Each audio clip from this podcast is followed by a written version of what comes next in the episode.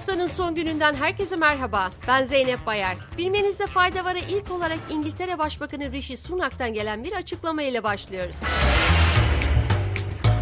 İngiltere'de kamu çalışanlarına yönelik zam kararını açıklayan Başbakan Rishi Sunak, vize ücretlerinin ve göçmenlerin vize alırken ödediği sağlık ödemelerinin arttırılacağını söyledi. Söz konusu zamların yakın zamanda uygulanacağını belirten Sunak, vize ücreti ve göçmenlerin sağlık ödemelerindeki artışla kasaya milyarlarca sterlin gireceğini öne sürdü. Kripto para piyasasında gündem yaratan bir haberle devam ediyoruz. İflas eden kripto para kredi kuruluşu Celsius Network'ün kurucusu ve CEO'su Alex Meshiski dolandırıcılık suçlamasıyla gözaltına alındı. Savcılıktan yapılan açıklamada Meşinski ve şirketine 3 federal düzenleyici kurum tarafından dava açıldığı bildirildi. Celsius ve Meşinski'ye dava açan diğer kurumlar ABD Emtia Vadeli İşlemler Komisyonu ve ABD Federal Ticaret Komisyonu oldu.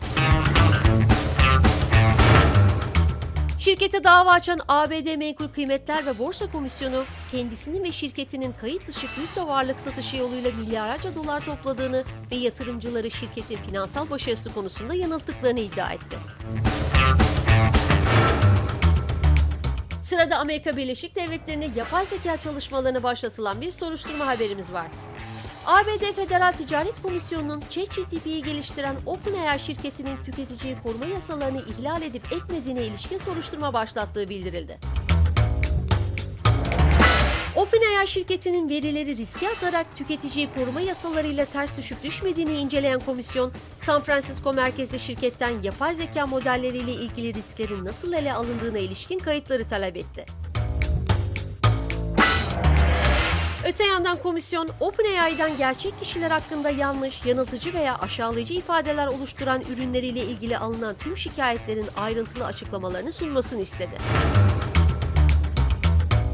Çin yapay zeka teknolojisine yeni kurallar getirdi. Gelin haberin detaylarını birlikte inceleyelim. Çin, ChatGPT benzeri yapay zeka tabanlı teknolojilerin kontrolünü sağlamaya amaçlayan kurallar içeren yeni geçici önlemlerin yürürlüğe gireceğini duyurdu. South China Morning Post'un haberine göre kabul edilen düzenlemelerin yapay zeka tarafından üretilen halka açık fotoğraf, ses ve video gibi içerikleri de kapsadığı bildirildi. Diğer taraftan düzenlemeler kapsamında yapay zeka tabanlı teknolojilerin veri kullanımı, telif hakkı ve kişisel verilerin korunması gibi konulara ilişkin belirtilen kurallara uyması gerektiği ifade edildi. Çin'de 15 Ağustos'ta yürürlüğe girecek yeni düzenlemelerin Nisan ayında yürürlüğe giren kuralların yerini alacağı kaydedildi. Son haberimiz Rusya'dan geliyor.